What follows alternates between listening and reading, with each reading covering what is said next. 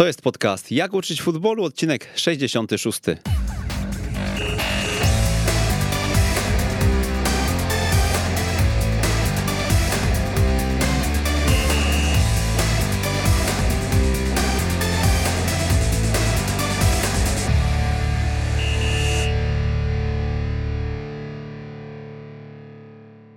Przemysław Mamczak i Paweł Szymański. Witamy w 66. odcinku e, Jak uczyć futbolu.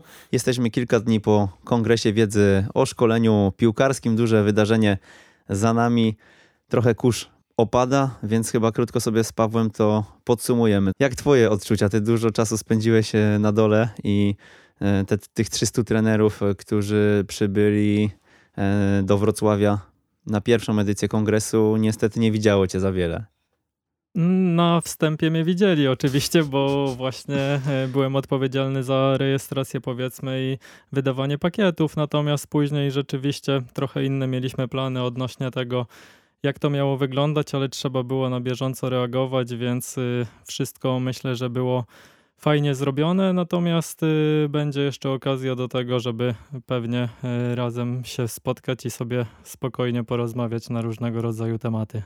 Nie myśleliśmy, że aż tak intensywnie i mm, tak wiele emocji będzie nam towarzyszyło tego dnia. Ty spałeś z dwie godziny, ja w ogóle e, przed kongresem. E, no, przerosło nas to złe określenie, ale e, chyba mieliśmy inne wyobrażenie o tym, w jaki sposób przygotujemy te ostatnie dni i nawet ja tak kilka dni wcześniej powiedziałem, że chciałbym, żeby w ten piątek wieczorem się dobrze wyspać, a później e, w sobotę, żebyśmy mogli mm, te pół roku pracy e, z boku mm, po prostu usiąść w fotelu i, i, i tak odcinać kupony, mówiąc e, kolokwialnie, żeby trochę pocieszyć się z tego, co udało się stworzyć.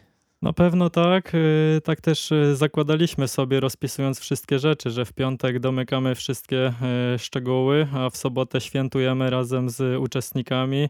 Bierzemy udział aktywny w obserwowaniu prelekcji, komentowaniu, przygotowywaniu się do panelu dyskusyjnego i tak.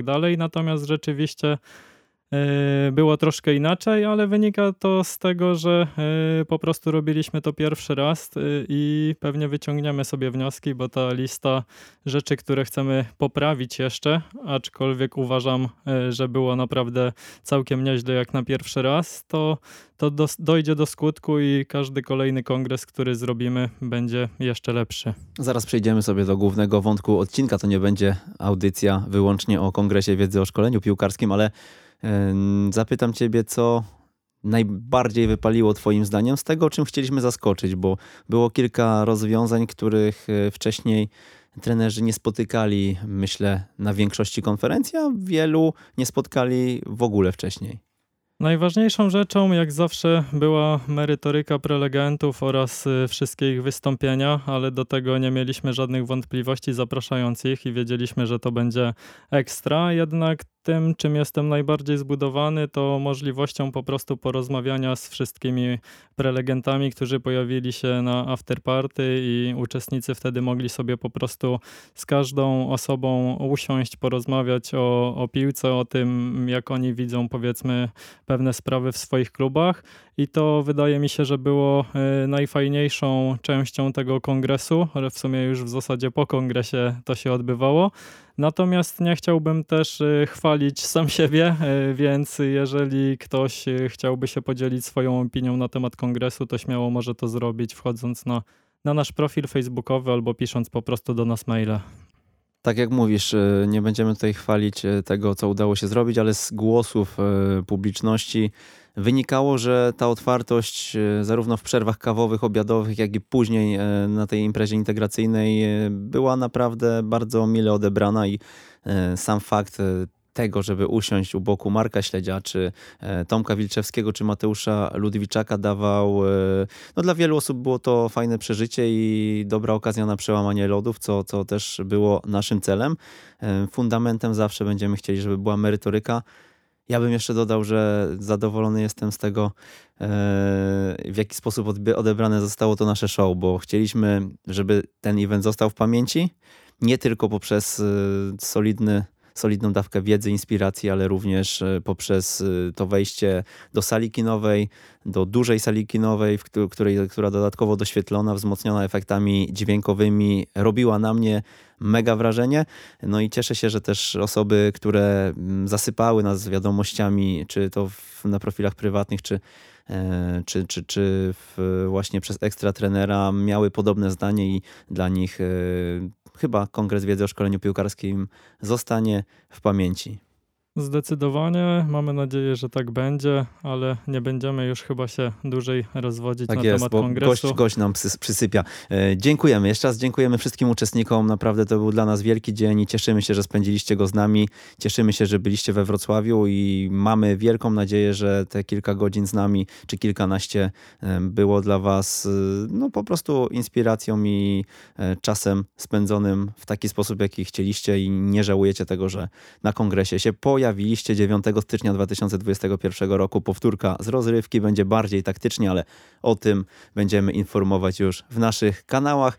A dzisiaj we Wrocławiu w gościnie w Radiu Luz, akademickim Radiu Politechniki Wrocławskiej, nagrywamy audycję z takim przechodniem chyba, który gdzieś tutaj nas minął. Filip Raczkowski, trener główny i trener drużyny do lat 17 Akademii Rakowa Częstochowa. Witam serdecznie. Filip, Zacznę od kongresu. Jak to się stało, że ty trochę destrukcyjnie wpłynąłeś na tą naszą imprezę integracyjną, bo e, dla tych, którzy nie byli na afterparty, e, Filip około 22 się pojawił i chwilę później e, zawinął nam dyrektora śledzia do siebie, do mieszkania, tak? Tak, tak. Y, no, historia Jeszcze tak... nie wszystkie stoliki trener zdążył odwiedzić. historia jest taka, że akurat mam, mam dziewczynę we Wrocławiu, no i z racji tego, że że nie zawsze jest gdzieś tam możliwość prywatnie się spotkać, a akurat taka możliwość zaistniała, kiedy to dowiedziałem się, że dyrektor będzie we Wrocławiu właśnie na, na kongresie i że akurat mamy czas gdzieś tam powiedzmy wolny, w ten, w ten, ten weekend mieliśmy taki wolny, no to, to się umówiliśmy wspólnie, że, że gdzieś tam e, spędzimy miło wieczór i zjemy kolację, natomiast osobiście sam nie wiedziałem, przybywając tam, że będą takie dobre humory i będzie tak ciężko porwać dyrektora. No dobra, Filip y, chce się zrewanżować, y, przeprosić i y, zainspirować teraz kolejne osoby dobrą audycją. Dzisiaj będziesz My będziemy cię atakować, a ty będziesz się bronił, tak? Obrona okay. Częstochowy, ja tak sobie napisałem w social mediach. Y, Filip mm, Raczkowski jest znany chyba z Akademii Weszło Junior z zeszłego roku, bo rozmawialiśmy o otwarciu gry dosyć szeroko. Gdybyś dwa zdania najpierw powiedział o sobie, a później e, już pojedziemy z tym modelem gry w obronie Akademii Rakowa, o którym, e, o którym na pewno będziemy chcieli jak najszerzej dzisiaj też opowiedzieć. O sobie, no nazywam się Filip Raczkowski, to od tego powinienem zacząć. To, co się może powiem, to co się zmieniło przez ostatni rok, to na pewno najistotniejsze to kolejna kategoria wiekowa, mimo że ten sam rocznik, można powiedzieć ten sam zespół, no to, to, to kolejna kategoria, bo teraz jest to U17 w Rakowie Częstochowa. Drugą istotną zmianą myślę, że, że jest to, że wcześniej byłem trenerem głównym etapu piłki 7 i 9 osobowej, Dzisiaj powierzono mi już zadanie e, jako trener główny etapu piłki 11-osobowej. To myślę, że są takie dwie najistotniejsze zawodowe zmiany na dzień dzisiejszy. No dobrze, no to powiedz e, o tym modelu gry, który ukończyliście na poziomie bronienia. Rok temu rozmawialiśmy, tak. że on jest w fazie tworzenia, tak? tak? Rozmawialiśmy bardziej o modelu gry od strony atakowania, a konkretnie na, otwar- na temat otwarcia gry. Mhm. No i jak to e, wygląda dzisiaj? Ile ten model gry w obronie ma stron w Rakowie? Model gry zakończyliśmy, e, żeby nie skłamać, cały już, łącznie też mówię już z fazami przejściowymi, e, przed samymi świętami, czyli, czyli w, grudniu, w grudniu zakończyliśmy cały model gry dotyczący funkcjonowania pod kątem taktycznym naszych zespołów w piłce 11, 9 czy 7 osobowej w strukturze fazy atakowania, faz przejściowych i fazy bronienia. Cały model gry ma około, mówię około 830 stron, cały czas ewoluował, więc wiadomo, że te strony może się ich zwiększyć, może się też zmniejszyć. To jest też zależne od trendów piłki nożnej, czy chociażby od, od ostatniego, gdzie też musieliśmy wprowadzić korektę zmian w przepisach gry od tego sezonu. No właśnie, o tym też porozmawiamy, a powiedz od kiedy on był tworzony, bo na kongresie mhm. wiedzy o szkoleniu piłkarskim trener Śledź mówił, że model gry nigdy nie jest skończony. Tak, no dlatego mówię, będzie ewoluował na pewno, natomiast samo rozpoczęcie modelu gry ja stricte nie brałem przy tym udziału. Jestem jednym z osób, które, które, które dołożyły jakąś tam cegiełkę do tego, natomiast sam model gry z tego, co, z tego, co mnie poinformował trener, dyrektor Śledź, no to on w ogóle rozpoczynał się jeszcze za czasów jego pracy w Lechu Poznań. Potem był on kontynuowany, czyli dalej gdzieś tam powiedzmy mm, tworzony w Miedzi Legnica przy udziale tam wówczas dyrektora, trenera Małeckiego, trenera Salomona i trenera Adacha a następnie w Częstochowie był tworzony ponownie przez dyrektora, natomiast tu już osobami, które pomagały przy tym, to, to była moja osoba, był trener Stawicki, był trener Kuźma i w ostatnim etapie, gdzieś tam powiedzmy tych faz przejściowych, o których y, tu wspomniałem, no to byli już też trenerzy Rakowa, w sensie byli to też trenerzy miejscowi, tak, z Częstochowy, którzy, którzy pomagali przy stworzeniu tych faz przejściowych. Jakie są główne założenia bronienia w Akademii Rakowa? Głównym założeniem bronienia no to jest oczywiście odbiór piłki, tak? Jak najszybszy odbiór piłki i skuteczny odbiór piłki. To, co myślę jest y, najbardziej takie wyróżniające, może nie spośród innych taktyk, bo też nie, nie zagłębiam się w to, jak inne zespoły dokładnie funkcjonują. Y, mówię o szkoleniu tu w Polsce i akademiach. To, to to, co jest takie na pewno charakterystyczne u nas i bardzo mocno na to zwracamy uwagę, to jest to, że my chcemy skutecznie odebrać piłkę, czyli nie tak dyrektor też często mówi, kolokwialnie, jak w piłce polskiej, tak, wybić tą piłkę, czyli uratować, czyli działać gdzieś tam ratunkowo, tylko za każdym razem my chcemy odebrać skutecznie piłkę i po prostu by, y, być w jej posiadaniu. Elementem takim ostatecznym to są właśnie te działania ratunkowe, więc na to bardzo mocno zwracamy uwagę, że w każdym momencie modelu gry, realizując go, no to mamy, mamy za założenie odebrać piłkę, czyli co za tym idzie, model gry mm, tworzony, y, tak można powiedzieć stricte formie czy tam papierowej, czy tak jak u nas komputerowej, to można powiedzieć, że jeżeli w danym momencie odbieramy piłkę, to on się już przenika, bo wtedy przechodzimy już do kolejnego działu czy rozdziału w modelu gry, bo jesteśmy na przykład w posiadaniu piłki w strefie wysokiej, czy niskiej, czy, czy środkowej, czy tak samo, kiedy tą piłkę tracimy, tak? Dlatego też mamy ten bardzo istotny, myślę dla nas, krótki, ale bardzo istotny rozdział, tak mówiąc yy, kolokwialnie, dotyczący faz przejściowych. Czy ten model gry w piłce 7, 9, 11 osobowej jest taki sam i wynika tylko po prostu z tego, że jest mniej zawodników, czy tam są mm. jeszcze jakieś inne zmienne powiedzmy? Znaczy, no taki sam nie jest, bo jak sam wspomniałeś, jest inna liczba, mhm. liczba zawodników, tak? Natomiast jest on, jest on bardzo w cudzysłowie można to nazwać podobny.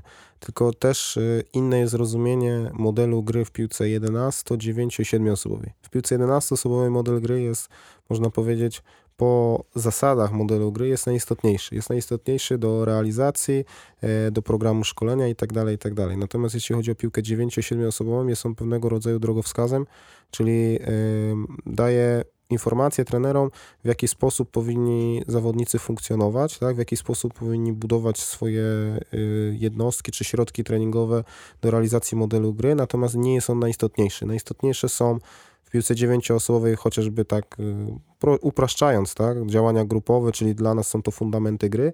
W piłce siedmioosobowej również fundamenty gry, ale przede wszystkim wyszkolenie indywidualne, czyli takie bym powiedział e, działania techniczno-taktyczne e, indywidualne, czy to w fazie ataku, czy w fazie bronienia.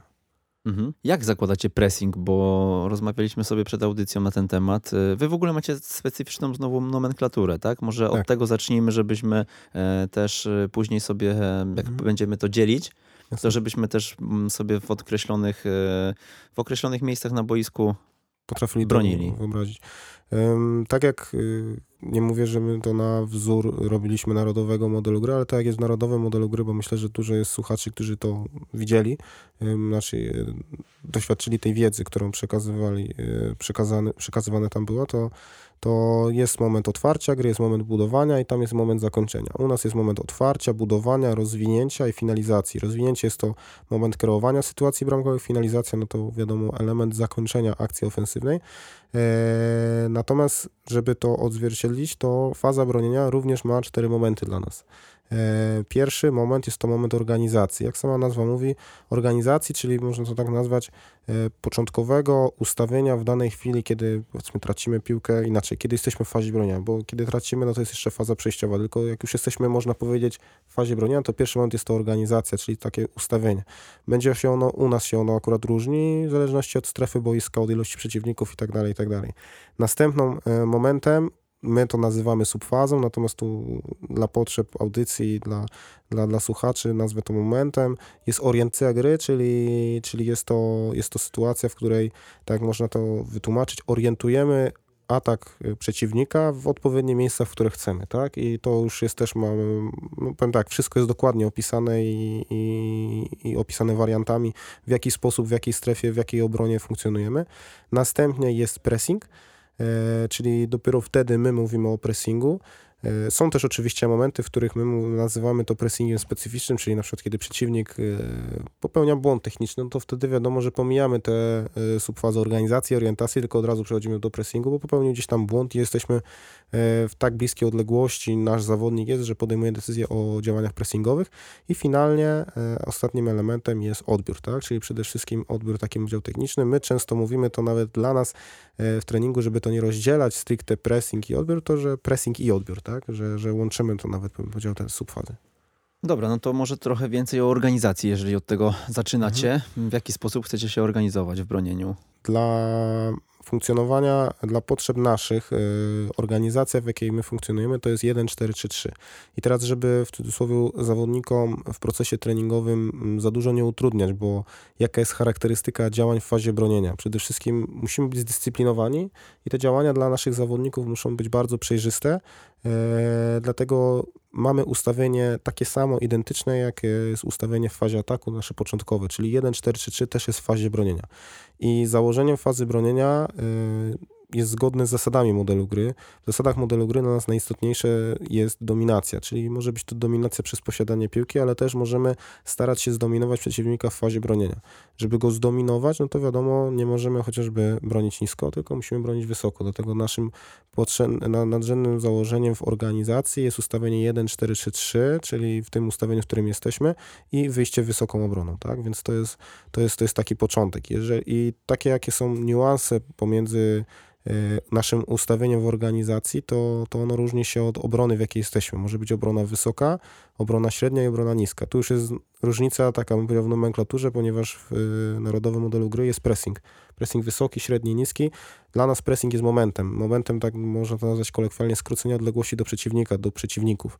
Natomiast organizacja jest takim momentem pierwszym ustawienia. W obronie wysokiej, średniej i niskiej jest tak samo, natomiast różni się to zachowaniem zawodników na poszczególnych pozycjach. No dobra, to kiedy mm, bronicie wysoko?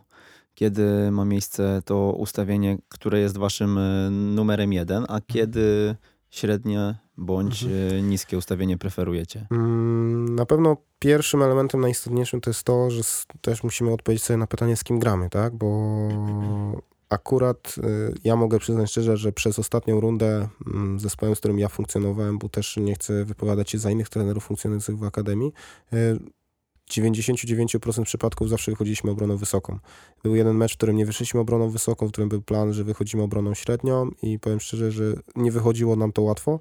Wychodziło to, bym powiedział, bardzo słabo, byłem niezadowolony. W drugiej połowie wyszliśmy zdecydowanie obroną wysoką i zagraliśmy zupełnie inaczej. To pewnie też wynika z tego, że charakterystyka mojego zespołu jest taka, że, że, że no każdy z zawodników walczy o swój byt, co za tym idzie jest takim codziennym fighterem, więc jak ja im powiedziałem, że bronimy średnio, to oni powiedziałbym szczerze, że się dziwnie czuli w tym średnio momencie. Średnio się czuli. Tak, średnio się czuli, tak, można to nazwać, że średnio się czuli, więc, y, więc my zawsze y, i też do tego nakłaniamy trenerów na każdych naszych szkoleniach czy zebraniach, że wychodzimy obroną wysoką.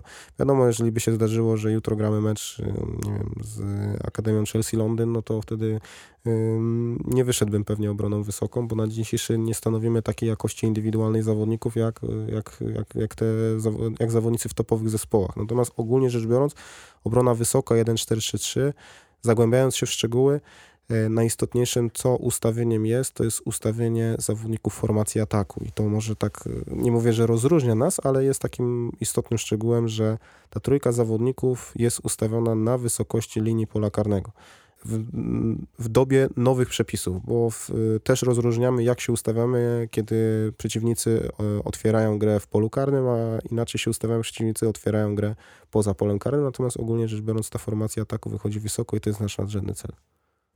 Mhm, no dobra, wychodzicie bardzo wysoko, jeżeli bardzo mówimy, wysoko. że jesteście no tak. w polu karnym praktycznie mhm. przeciwnika. E, a co jeżeli piłka już, już pierwszą linię minie waszą, no bo mhm. to nie jest powiedzmy trudne, tak? Przy przewadze liczebnej zazwyczaj, bo z bramkarzem to jest 5 na 3. Tak, tak. Jest to, jest to sytuacja 5 na 3, natomiast sposób, w jaki zawodnicy nasi się poruszają, czyli to już mówiąc bardziej o orientacji, no to nas prowokuje do tego, że, że jesteśmy w stanie nie zakładamy, że ta trójka odbierze tą piłkę, tak, tych zawodników linii ataku, natomiast zakładamy to, że oni w taki sposób, w jaki będą się poruszać w tej e, momencie orientacji gry, spowoduje często niedokładne podanie e, albo błąd techniczny przeciwnika, który tak naprawdę z tej ciężkiej pracy, bo to jest ciężka praca, którą wykonują zawodnicy formacji ataku, w cudzysłowie spijają śmietankę zawodnicy formacji obrony i pomocy, bo to oni finalnie często odbierają piłkę w obronie wysokiej, tak? E, nie wiem, bo tu nie, rozpocząłem, a nie powiedziałem, a myślę, że najważniejsze są szczegóły taktyczne, e, to zaczęliśmy ostatnio rozróżniać i bardzo mocno rozróżniamy sposób, w jaki bronimy wedle właśnie tych zmian przepisów.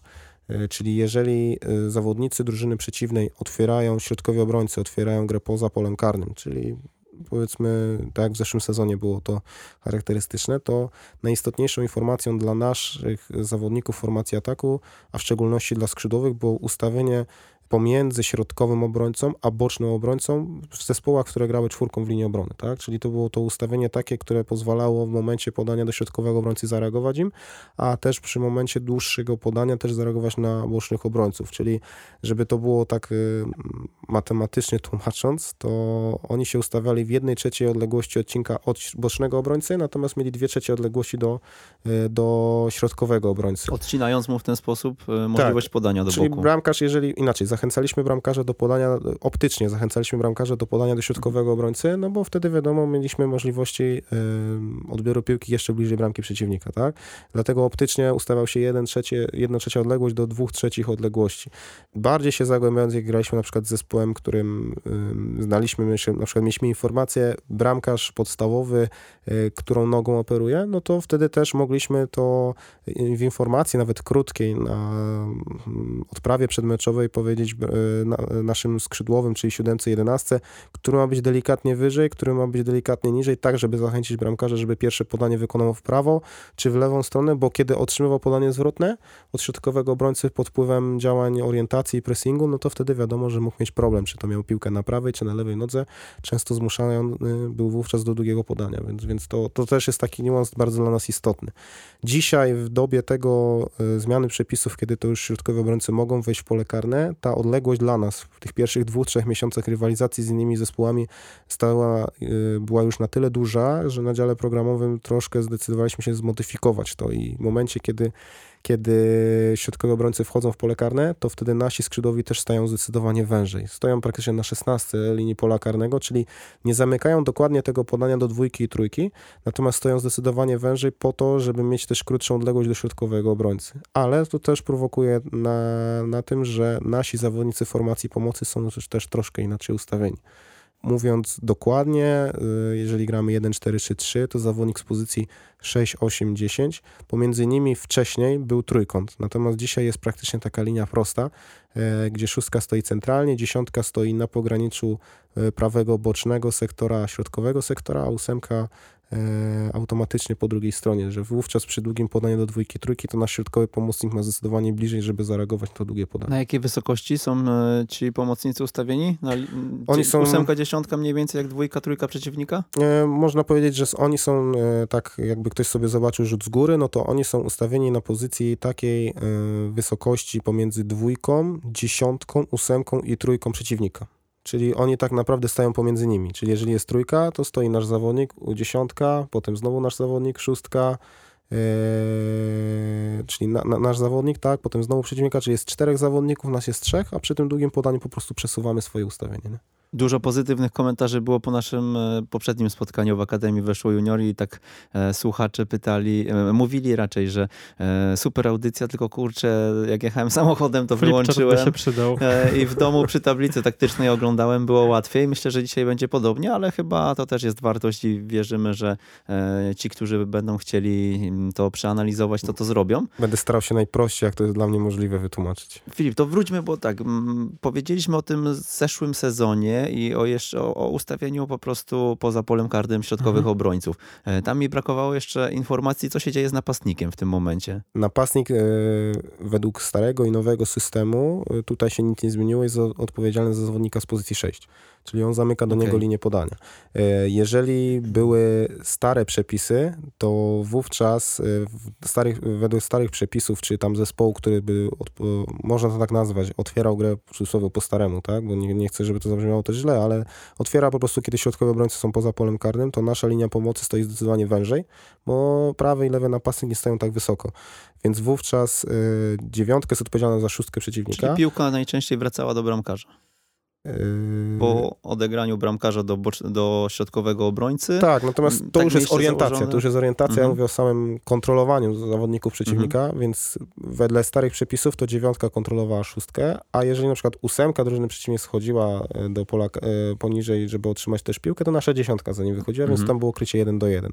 Wedle nowych przepisów, kiedy nasi skrzydłowi stoją zdecydowanie wężej na szesnastce, pomiędzy nimi jest dziewiątka, która jest odpowiedzialna za szóstkę, to Mhm. nawet jeżeli przeciwnik z pozycji 8 też schodził, to te odległości są tak niskie, że już nie wyciągamy kolejnego naszego środkowego pomocnika, więc nawet uznałbym to, że na, w na fazie bronienia po zmianach, które mamy, te nowe przepisy są dla nas, bym powiedział, Korzystne. korzystniejsze, korzystniejsze nawet. No. Mhm, czyli jeszcze, żeby uściślić, bramkarz e, prawonożny, Mhm. jak rozpoczyna, to staracie się zostawić trochę więcej miejsca po jego lewej stronie? Po jego prawej stronie. Ponieważ wykona pierwsze podanie prawą nogą, swoją Mhm. lepszą, ale kiedy otrzyma piłkę zwrotną i będzie chciał zmienić stronę, to będzie miał już piłkę na lewej nodze. Okej, ale Po to przyjęciu o, piłki no właśnie miał- chciałem do tak. tego zmierzyć, bo powiedziałeś wcześniej o uderzeniu z pierwszej piłki, dlatego Znaczy łatwiej pierwszej- byłoby z prawej wtedy pociągnąć, tak, prawda? natomiast, W takiej natomiast sytuacji. logicznie patrząc, jeżeli Jest, ten bramkarz... Zazwyczaj jest przyjęcie, tak. Tak, no zazwyczaj jest przyjęcie, o inaczej, jeżeli ten bramkarz będzie wykonywał to podanie bez przyjęcia, pod presją, no to zazwyczaj będzie to podanie na dystansie. Co za tym idzie, to już jest nasz sukces fazy bronienia w obronie wysokiej, bo będzie to często podanie niekontrolowane,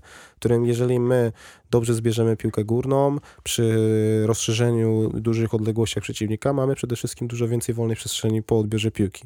Natomiast e, nie chcemy takiej sytuacji, w której bramk, e, kiedy po tym podaniu zwrotnym bramkarz otrzyma piłkę e, i będzie mógł zmienić sobie spokojnie stronę, dlatego bardziej wtedy prowokujemy, że jeżeli jest prawonożny, to pierwsze podanie w prawą stronę, czyli co za tym nasz prawy skrzydło musi stać wyżej, ale nasz lewy skrzydłowy delikatnie niżej, to wtedy bramkarz widząc te odległości, no to logicznie patrząc, jeżeli chce utrzymać się przy piłce, pierwsze podanie wykona tego zawodnika, który ma optycznie więcej przestrzeni.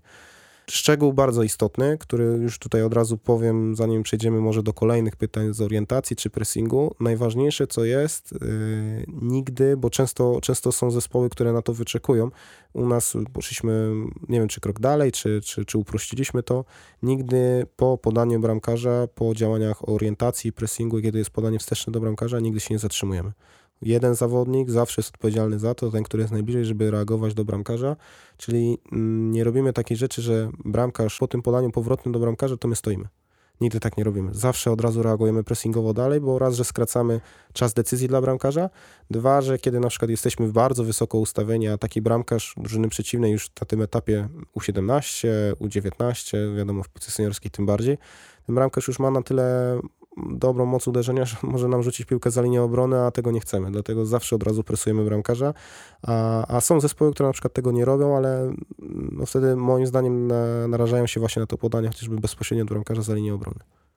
To jest standard, w sensie nie ma nigdy raczej, no zawodnik oczywiście pewnie o tym Mhm. decyduje, prawda? No bo Tak. jeżeli jest tam jakiś błąd właśnie w organizacji albo w orientacji, no to wtedy e, ciężko jest w sumie zawodnikowi biec, jeżeli zauważyłby, że jest coś źle Mhm. powiedzmy e, w tym naszym ustawieniu. Czy są właśnie jakieś takie momenty, w którym e, no, reagujemy po prostu na bieżąco, jeżeli to się nie wydarzy, czy to jest sygnał od trenera, czy zawodnik od razu no, analizuje ten Mhm. temat i po prostu rusza. Pewnie Filip krzyczy. Teraz. Teraz. Teraz. Teraz, teraz, teraz. Mm, Trener, e, trener, trener nasz może tylko zachęcić, ale decyzji nie podejmuje, tak? Czyli może Mhm. zachęcić, jak zawodnik podejmie decyzję, no to wiadomo, że czasami w trakcie emocji meczowych, no to sami wiecie, jak jest, że, że trener czasami zareaguje, że mocniej, szybciej i tak dalej, ale, ale samo stricte decyzji nie podejmuje. W momentach, kiedy przeciwnik otwiera grę, a my bronimy wysoko, y, jesteśmy zawsze zorganizowani, bo jest piłka martwa, więc to jest łatwo się ustawić Mhm. dobrze, więc zawsze wtedy jest element taki, że, że ponawiamy, to nazywamy ponowienie pressingu do bramkarza, tak? No, ale w momencie na natomiast przykład takim, tak. kiedy piłka wraca podczas Właśnie, gry do bramkarza. To wtedy decyzję stricte często, no wiadomo, e, podejmuje ten zawodnik, który, który skraca odległość, e, czyli biegnie do bramkarza, tak? Natomiast on w pierwszej kolejności ma obowiązek ruszyć, ale gdyby na przykład zawodnicy z formacji pomocy, formacji obrony, któryś z nich po prostu dałby sygnał, że nie wiem, Jasiu, nie teraz, tak dalej, zorganizuj się, no to wiadomo, że wtedy się zorganizuje. Natomiast często, jeżeli jesteśmy dobrze zorganizowani w obronie średniej, przechodzimy potem do obrony wysokiej płynnie i możemy w obronie wysokiej reagować na bramkarza, no to zawsze to robimy. Więc to jest takie, bym powiedział, założenie przez całą akademię. Nie? To powiedz, jakie macie sygnały pressingowe właśnie poza otwarciem gry? Rozumiem, że jeżeli nastawiacie się na tego rywala, że Mhm. dzisiaj obrona wysoka, to przy każdym otwarciu ustawiacie się tak, jak powiedziałeś. Tak. Mm, No i co dalej? Co też e, poza... Kiedy ten pressing wysoki, Mhm. e, poza tym momentem otwarcia gry przeciwnika się pojawia? Drugim momentem takim istotnym, bo jeżeli jesteśmy już w obronie wysokiej, no to zawsze jesteśmy w tych działaniach, staramy się dążyć do działań z orientacji do pressingu. Yy, orientacja jest to inaczej można powiedzieć zamknięcie wszelkich linii podań. Jak dobrze zamkniemy linię podania, to wtedy działamy pressingowo. Natomiast yy, drugim momentem jest yy, sytuacja, kiedy przechodzimy z obrony średniej do obrony wysokiej. Jak jesteśmy dobrze zorganizowani z obrony średniej do wysokiej, to nie ma sygnału takiego, wiadomo, sygnał zawsze na boisku będzie, że tam środkowy obrońca krzyknie skracamy i tak dalej, podchodzimy i to jest normalne, naturalne, logiczne. Natomiast nie ma czegoś takiego w trakcie gry, że się umawiamy, że teraz, nie? I teraz wszyscy biegną, jest na hura. To wszyscy zawodnicy podejmują y, decyzje, decyzje na boisku i najczęściej widoczne jest to, tak yy, ludzkim okiem, kiedy analizujemy mecze, to decyzje zazwyczaj podejmują zawodnicy z pozycji 7-11. No bo to oni stricte w tych pierwszych momentach są zazwyczaj najczęściej odpowiedzialni w pierwszej kolejności dział- działać pressingowo na środkowych obrońców. W obronie średniej mamy inne ustawienie i teraz w obronie wysokiej, tak jak mówiłem, najistotniejsza zmiana jest taka, że nasi skrzydłowi ustawieni są w tej odległości pomiędzy środkowym a bocznym obrońcą. Jak ktoś ogląda mecze, nie wiem, myślę najczęściej popularny Liverpoolu, no to jest to widoczne, tak? Czy teraz, czy nawet e, Arsenal jeszcze za trenera Emery'ego, czy, czy Norwich, mimo, że na miejscu spadkowym to bardzo porównywalnie grają, w sensie założeń taktycznych, to, to w obronie średniej różnica jest taka, że nasi skrzydłowi wówczas już kontrolują bocznych obrońców. Czyli nie są ustawieni przed nimi, muszą ich widzieć. Muszą widzieć i piłkę, i bocznego obrońcę, za tym idzie to ustawienie, spłaszcza się do takiego, można powiedzieć, 1-4-1-4-1, tak? My nie nazywamy tego w taki sposób zawodnikom, żeby im też nie pomylić, natomiast mówimy, że wasze założenia się zmieniają. W obronie średniej skrzydłowi kontrolują bocznych obrońców. I teraz moment przejścia ze średniej do wysokiej obrony jest, kiedy ten skrzydłowy zdecyduje się przy zmianie strony, przez linię obrony przeciwnika, nagle dobiec do środkowego obrońcy, czyli w momencie podania, e, kiedy ta piłka wędruje, e, kiedy nikt nie może zmienić jej lotu piłki, on jest na tyle blisko, że może zareagować na środkowego obrońcę, wtedy on reaguje i przy tym podaniu środkowego obrońcy wstecznym do bramkarza przechodzimy do obrony wysokiej. Jest to tak jak powiedział najczęstsze, płynne takie przejście, czyli nie wiem, czwórka drużyn przeciwnie ma piłkę, na niego reaguje nasza dziewiątka, czwórka przegrywa do drugiego środkowego obrońcy i nasz skrzydłowy jest na tyle blisko, że może zareagować, to on po prostu reaguje do tego, żeby zmusić tego obrońcę do podania albo niekontrolowanego do przodu, albo kontrolowanego do tyłu, najczęściej do bramkarza. Wtedy wszyscy skracamy, jesteśmy w obronie wysokiej. Tu mówisz o jedenastce, czyli O 11. skrzydłowym, który 11. zabiega, rozumiem, od strony, e, od boku, tak żeby nie mógł też e, przegrać strony. Mm, My tego nie nazywamy od boku, mm, ponieważ y, idąc w dobie, mm, w dobie piłki, jak to się wszystko rozwija, to dzisiaj wiemy, że boczni obrońcy, czyli zawodnicy z pozycji 2 i 3 nie zawsze grają tylko i wyłącznie w bocznym sektorze. Często też biegają do środka bez piłki, więc my to nazywamy nie zamknięcie linii podania od boku, tylko od zawodnika, którego kryłem. Mhm. Skrzydłowy jest odpowiedzialny za bocznego obrońcę, więc od niego. Y, Są warianty, w których boczni obrońcy często spędzają czas w środku pola, a są warianty, w których spędzają czas w bocznym sektorze, więc bardziej bym powiedział od tych zawodników. Po prostu od tych zawodników zamykają naszą linię podania 7-11, jak im się udaje, no to wtedy przechodzimy do obrony wysokiej. Materiały, które my otrzymaliśmy i e, na, które, na bazie których się przygotowywaliśmy do tej audycji, pokazują, że właśnie chcecie, żeby to podanie szło raczej w strefę środkową, prawda? Przynajmniej e, większość e, z Mhm. tych fragmentów na to wskazywała.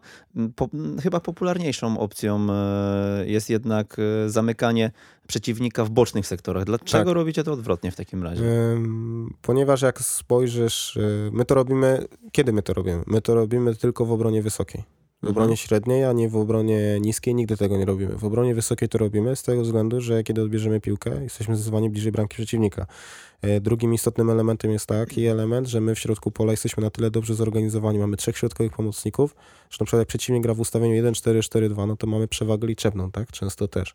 Gdybyśmy grali może z zespołem, gdybym może grał z zespołem hiszpańskim, obawiałbym się gry do środka, bo wiemy, że zawodnicy z pozycji media punta, czy tam środkowi pomocnicy, no to są to zawodnicy często tam szkoleni tak, że atakują środkiem, lubią atakować środkiem. W Polsce często zespoły wolą atakować bocznymi sektorami, więc co za tym idzie, my im zabieramy taką możliwość powiedzmy ataku bocznym sektorem, przez to, że po prostu ten sektor najczęściej zamkniemy no, tym ruchem, którym przed chwilą mówiłeś, czyli, czyli tym ruchem od boku, my to mówimy od, od pozycji 2 i 3. Nie? Mhm. Mm, no myślę, że tutaj y, ten. Przejdziemy sobie jeszcze na pewno do średniego Jasne. pressingu i pressingu niskiego obrony. czy obrony, obrony, w waszej nomenklaturze. Mhm. Daj dokończyć. okay. E, natomiast, e, natomiast, natomiast mnie jeszcze tak zaintrygowało, jestem świeżo po lekturze tego e-booka e, Radka Belli, który też gościł u nas jakiś czas temu na temat gry zespołów Marcelo Bielsy. Nie wiem, czy miałeś okazję się z nim zapoznać albo przejrzeć? Pisałem do Radka, otrzymałem e-book, ale przyznaję, że jeszcze nie zdążyłem się do mhm. niego stricte mocno zagłębić, natomiast mam, jestem posiadaczem i na pewno w niedalekiej przyszłości zaznajomię się z tym. No to powiedz, jak y, zespół ustawia się w stylu tego, y, co właśnie Bielsa preferuje, czyli bardzo wysoko, boczni obrońcy. Mhm. E, szóstka schodzi do rozegrania przy otwarciu gry, tak? Mhm, mhm. w tym momencie, no boczni obrońcy są prawie, że pod środkiem e, boiska. Przeciwnika. E, no, zespół Bielsy. Tak, no mówię. Tak, no zespół mówię. Bielsy. I mhm, teraz ty jesteś tym zespołem, który presuje i e, siadasz bardzo wysoko, tak jak powiedziałeś, bo masz e, trzech zawodników na linii pola karnego, mhm. e, ale takim średnim podaniem mm, automatycznie bramkarz mija wszystko i e, robi się przewaga liczebna w okolicy środka pola. Jak na to reagujecie? Jaką masz na to mhm. odpowiedź? Bo ja się zastanawiałem właśnie patrząc na mm, Bielce i na to, na zespoły, które grają bardzo wysoko, starają się od początku mocną presję wywołać na bramkarzu i na tym rozpoczęciu gry, otwarciu gry, że tak naprawdę jest to duże ryzyko, bo tam się robi niedowaga za chwilę z tyłu. Mhm. Już tłumaczę. Y, tak jak wcześniej wspomniałem, to ustawienie formacji pomocy naszej jest zależne od ustawienia przeciwnika. I tej, tej dwójki i trójki między innymi również.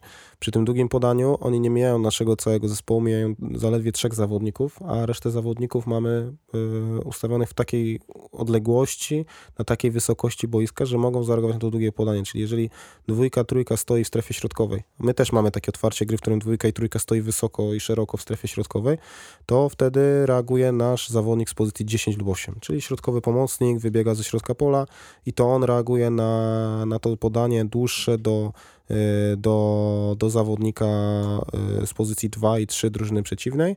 Natomiast wówczas w trakcie tego lotu piłki, no to wiadomo, że zawodnicy formacji ataku zaczynają wracać poniżej linii piłki. Nie? rysuję sobie tutaj ustawienie i teraz powiedz tak, czyli trzy, trzech zawodników y, wysoko ustawiacie. Tak. Pozostali są w okolicy środkowej tak, e, i rozumiem, że tak, tak, tak, my sobie zerkamy tutaj na pomoc naukową. E, Okej, okay, czyli w tym momencie jesteście w równowadze, rozumiem, w strefie środkowej. Jest tu bardzo gęsto i tak naprawdę tak. podanie bramkarza w tamto miejsce to jest 50 e, na 50, kto tam e, zbierze drugą piłkę. 50 mm, do 50 może nie, nie liczyliśmy. Ja nie liczyłem przynajmniej statystycznie, jak to jest, natomiast yy, powiem realnie, że E, że przy tym długim podaniu, no to zawsze wiadomo, że łatwiej takie górne piłki to się broni, tak? Bo realnie swoim ciałem w kierunku bramki, w kierunku piłki, która do ciebie zmierza, więc ją widzisz. Jak jesteś tym napastnikiem, no to często jesteś ustawiony albo bokiem, albo plecami do kierunku gry, więc ten pojedynek, y, nie powiem, że 50 do 50, ale na pewno zawsze i to, tak zawsze mówiło się, że łatwiej jest się bronić w takich sytuacjach, kiedy ta piłka jest w powietrzu, tak? Więc, więc to podanie do 2 i 3, ono musi być górą.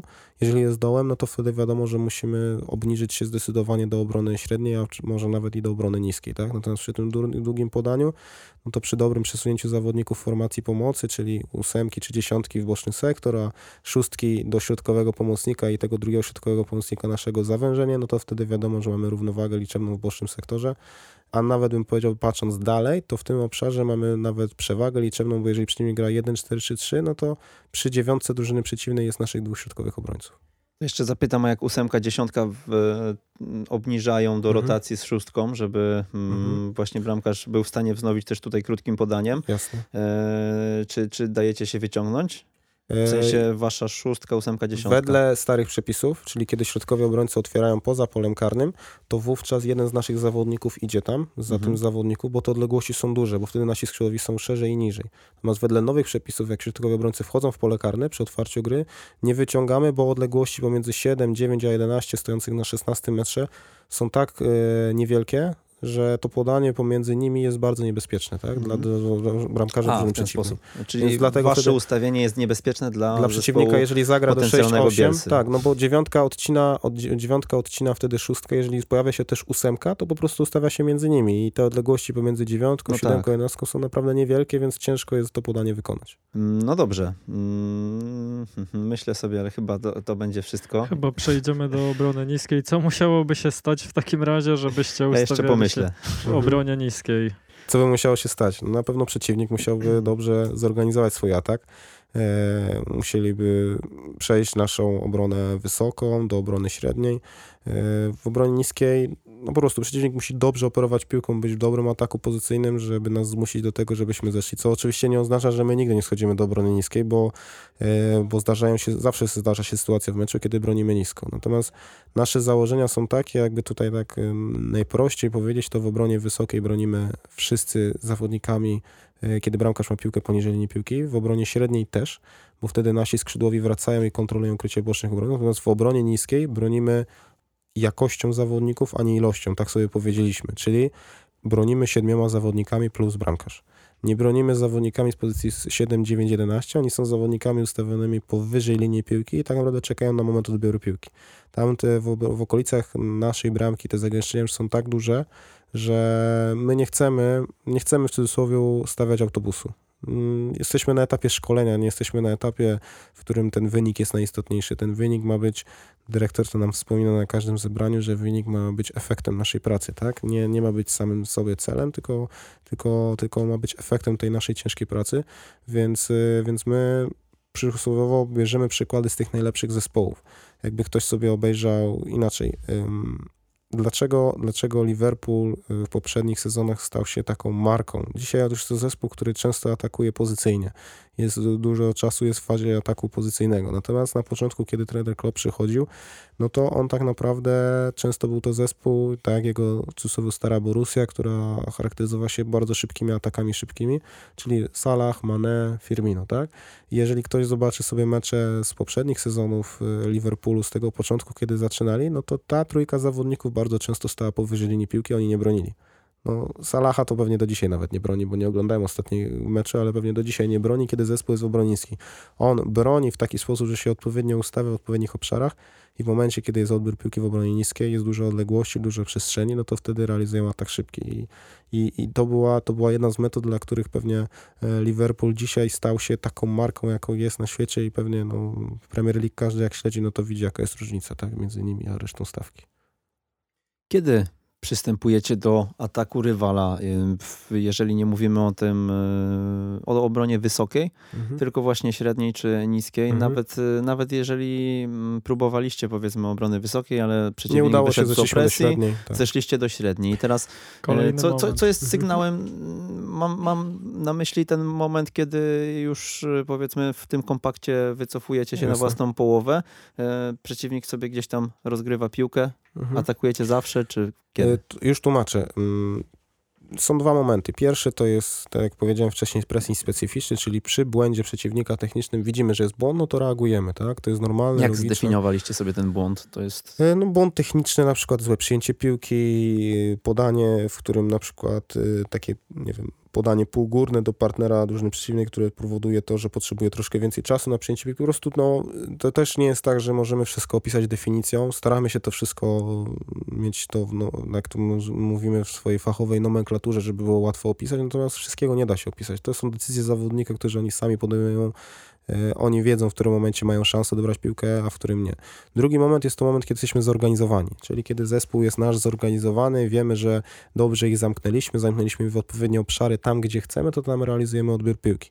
Natomiast to, co jest najważniejsze i myślę charakterystyczne e, dla naszych zespołów, mówię tutaj o całej akademii, to jest to, że nie ma u nas czegoś takiego jak przesunięcie. Czyli nie ma czegoś takiego, że powiedzmy przesuwamy się wszerz boiska i żaden z zawodników nie reaguje początkowych latach szkolenia w piłce siedmioosobowej, w piłce dziewięcioosobowej, tak jak wcześniej wspomniałem, bardzo istotne są fundamenty gry. A pierwszy fundament gry w obronie, który nazywamy my powstrzymaniem, jest to po prostu sytuacja jeden na jeden y, z zawodnikiem drużyny przeciwnej, kiedy jestem w obronie.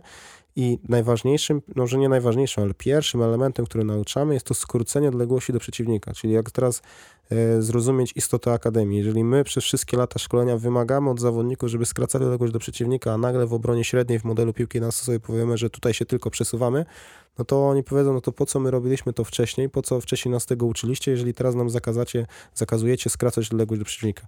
My zawsze, każdy zawodnik, który jest najbliżej, dobiega do, e, jeżeli jesteśmy zorganizowani oczywiście, e, ma zadanie skrócić odległość do przeciwnika w celu oczywiście odbioru piłki, natomiast... Masz przesuwanie na myśli horyzontalne w poziomie tak, po prostu, w poziomie. Tak? Czyli jak jest przesunięcie w poziomie całego zespołu, to najbliższy zawodnik zawsze dobiega do zawodnika z piłką. Nigdy nie stoi, nigdy się nie mhm. zatrzymuje, mhm. zawsze dobiega, zawsze jego celem jest chęć odbioru piłki, natomiast wiadomo, że on, nie mówię, że kalkuluje, ale on podejmuje decyzję, czy ten odbiór jest na tyle ryzykowny jak w obronie wysokiej, czy ten odbiór bardziej jest taki, że nie mogę na pewno przegrać pojedynku, tak? Bo to już zależy też od stref, w których jesteśmy, bo w strefie niskiej będziemy inaczej e, grać jeden na jeden, a inaczej będziemy grać jeden na jeden w strefie wysokiej, tak? Mówię tutaj bardziej o takim podłożu mentalnym, tak? Czyli chęci podjęcia mhm. ryzyka odbioru piłki. Natomiast w obronie średniej, wracając do tematu, moment, y, kiedy jesteśmy zorganizowani, bo to myślę, że jest istotne, to jest po dobrej y, organizacji, czyli tam subfazie organizacji i po dobrym przejściu subfazie orientacji. O ile, tak jak wcześniej powiedziałeś, bardzo istotny element, że w obronie wysokiej mm, przeciwnik może wprowadzić tą piłkę do środka, może też atakować bokiem, ale też może wprowadzić piłkę do środka, to, to, o tyle w obronie średniej, z racji tego jesteśmy coraz bliżej własnej bramki, nie pozwalamy przeciwnikowi atakować środkiem.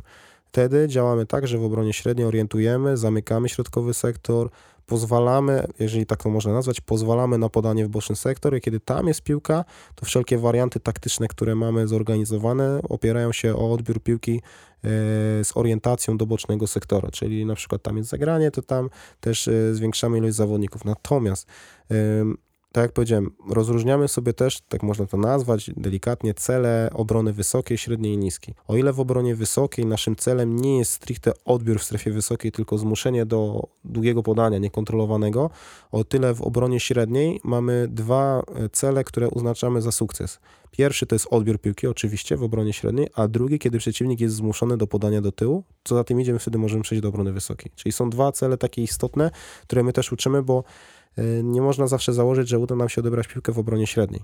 Na pewno e, jest możliwość, natomiast drugim istotnym elementem, jak przeciwnik zagra piłkę do tyłu i na przykład do bramkarza będzie zmuszony albo do obrońców głęboko ustawionych, my przechodząc do obrony wysokiej też uznajemy to jako sukces, tak? Natomiast przejście zawsze jest z bocznego sektora, czyli tam po dobrej orientacji jest pressing, czyli skrócenie odległości do przeciwnika i wtedy wypychamy e, albo odbieramy, albo wypychamy przeciwnika do tyłu. Jak nauczacie orientacji mm, swoich zawodników właśnie w te boczne mhm. sektory? No, środki treningowe, no powiem tak, tak na przykład dla nas nadrzędną zasadą w fazie ataku jest to, żeby kierunkować grę do środka, czyli jeżeli jest szansa atakować środkiem, no to nie wiem, może być prosta gra zadaniowa z określoną ilością zawodników, czy w równowadze, czy przewadze liczebnej jest zawodnikiem neutralnym. Ym, na przykład e, atak, który zakończony jest, y, poprzedzony jest budowaniem gry środkowym sektorem i zdobycie bramki, to bramka jest powiedzmy za trzy. Jeżeli zaatakujemy tylko bocznym sektorem i po tym bocznym sektorze zdobędziemy bramkę, no to to jest bramka za jeden. I to już jest takie, bym powiedział, nakierunkowanie zawodników, że wiadomo, że jak rywalizują ze sobą, no to chcą jak najwięcej tych punktów zdobywać, nie? I no też to bronią się przed no, tym, żeby jest to samo. W obronie jest to samo i to już wystarczy taka gra i wtedy realizujemy i fazę ataku wedle naszych, y, na, naszych założeń czy zasad, y, no i też realizujemy fazę bronienia, czyli na przykład nie pozwalamy przejść im środkowym sektorem. Nie? Czyli te odległości między zawodnikami wynikają z tego, że oni sami doświadczają tak. po prostu, kiedy dostaną. O odległościach e, nigdy nie mówimy. Pomiędzy... Nigdy nie mówimy o odległościach w sensie takim, że ty masz mieć 5 metrów, ty masz mieć 10 metrów, mhm. ty masz mieć 15, bo nie jest to mierzalne i, i powiem tak, jeżeli ktoś by się aż tak dokładnie zagłębiał, przynajmniej w naszym modelu gry, no to mógłby popełnić wiele błędów, a też ciężko by byłoby zawodnikowi sobie to no w trakcie gry, no w trakcie rywalizacji meczowej, kiedy dochodzi adrenalina, kiedy dochodzi, dochodzi nie wiem, zmęczenie raz z, płynącym, że tak to nazwę, meczem, tak, z czasem, z czasem gry, no to zawodnik wiadomo, że nie zatrzyma się, nie wyciągnie linijki, nie sprawdzi, czy dobrze stoi, czy nie. Po prostu jest to zbieranie doświadczenia w procesie treningowym i w procesie meczowym wedle tego, czego uczymy praktycznie na każdym kolejnym treningu. A nie definiujecie jakoś e, ustawienia w kompakcie i tej głębi, głębi powiedzmy? Organizacja. Organizacja obrony wysokiej, organizacja obrony średniej, organizacja obrony niskiej. No tak jak powiedziałem wcześniej, są trzy, trzy obrony i są duże różnice. Dla nas duże różnice. Skrzydłowi są inaczej ustawieni w obronie wysokiej i średniej. W obronie średniej, a niskiej jest też inaczej ustawiona linia ataku, bo w obronie niskiej linia ataku nie bierze udziału. Są momenty, w których biorą udział, na przykład przy działaniach w bocznym sektorze, jak jest obieg, bocznego obrońcy drużyny przeciwnej, to jak gramy zespołem, z którym wiemy, że nie stanowi aż tak wysokiej jakości indywidualnej, to nie wracamy naszym skrzydłowym, ale jak na przykład tam tworzą przewagi i z tego jest niebezpiecznie, wtedy jeden z naszych skrzydłowych ma możliwość powrotu, ale wtedy minimum dwóch zawodników zostaje nad linią piłki. Minimum zawsze jest dwóch zawodników, czyli zawsze zawodnik z pozycji 9 e, i zawsze powiedzmy skrzydłowy po drugiej stronie akcji, zawsze jest powyżej linii piłki, jest przygotowany na po piłki na tak szybki.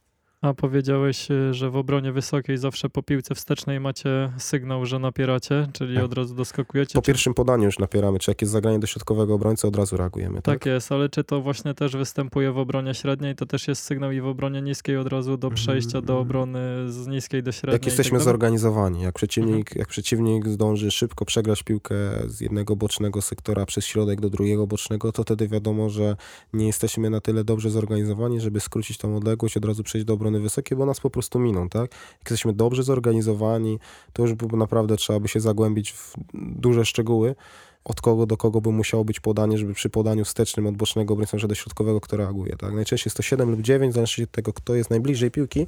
E, natomiast ogólnie rzecz biorąc, jeżeli jesteśmy dobrze zorganizowani, czyli tak te subfazy, które my to nazywaliśmy, czy momenty w grze, dobra organizacja, dobra orientacja, czyli zamknięcie linii podania, dobry pressing zorganizowany i on dąży albo do odbioru, albo jeżeli jest podanie wsteczne, to wtedy zmieniamy obronę, tak? Czyli idziemy do obrony wysokiej tak naprawdę.